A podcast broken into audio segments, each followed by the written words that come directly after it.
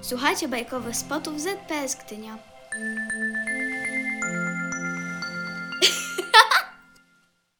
Ślimak i róża. Hans Christian Andersen.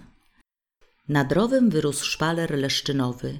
Poza nim rozciągały się łąki i pola, a z drugiej strony był ogród, a w ogrodzie zakwitł krzak róży. Pod krzakiem siedział ślimak i myślał o sobie.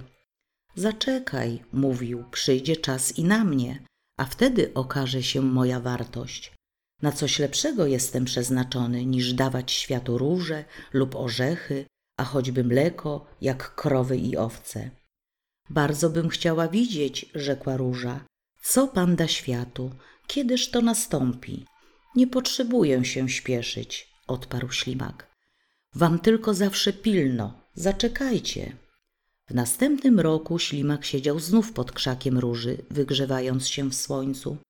Nad nim zwieszały się pączki i róże, pełne, świeże i pachnące. Ślimak wysunął się ze swojego domku, wyciągnął różki i schował je znowu. Wszystko jak w zeszłym roku, rzekł niechętnie.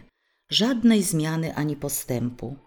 Krzak różany wydaje róże i nic więcej. Róże kwitły przez lato do późnej jesieni, dopóki śnieg nie upadł. Wtedy krzaczek zasnął, a ślimak skrył się w ziemi. Znów zawitał rok nowy. Róże się rozwinęły, ślimak usiadł na słońcu pod różanym krzakiem.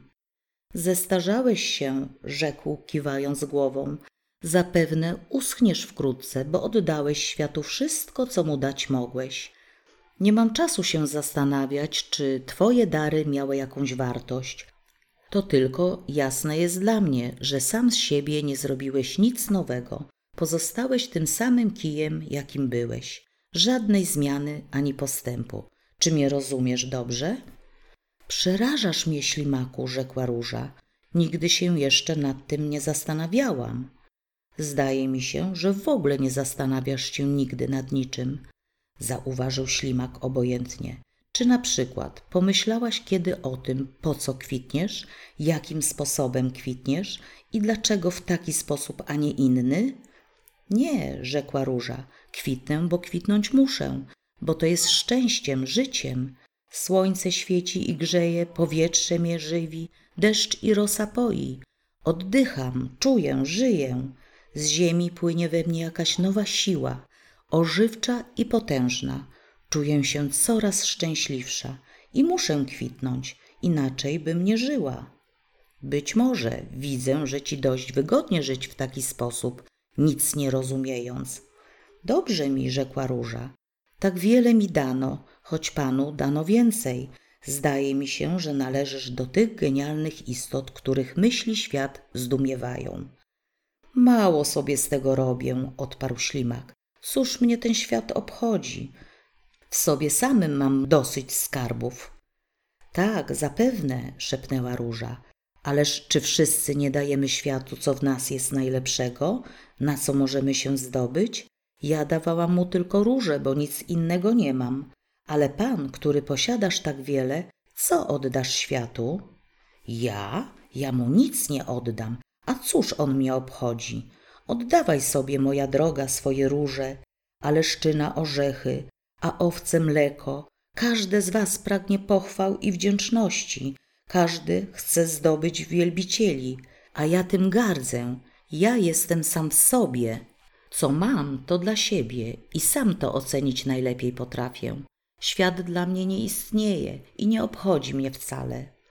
To powiedziawszy, schował się do swojego domku i otwór zasłonił śliną.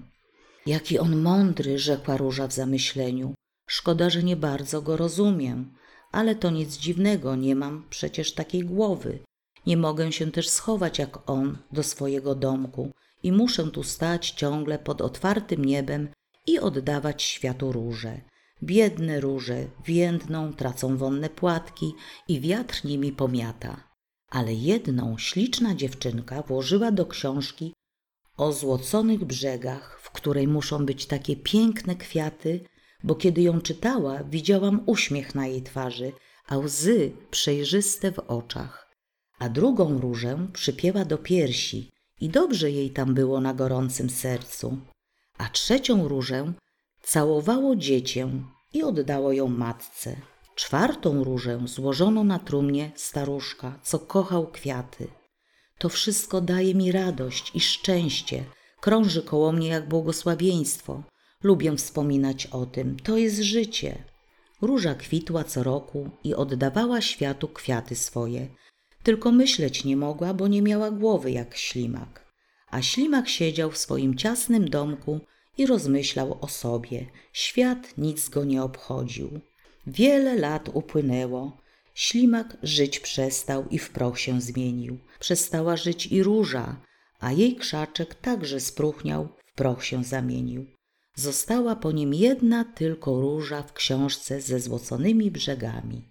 W ogrodzie jednak kwitną inne róże, a ślimaki wygrzewają się na słońcu i rozmyślają o swojej wartości. Świat nic ich nie obchodzi.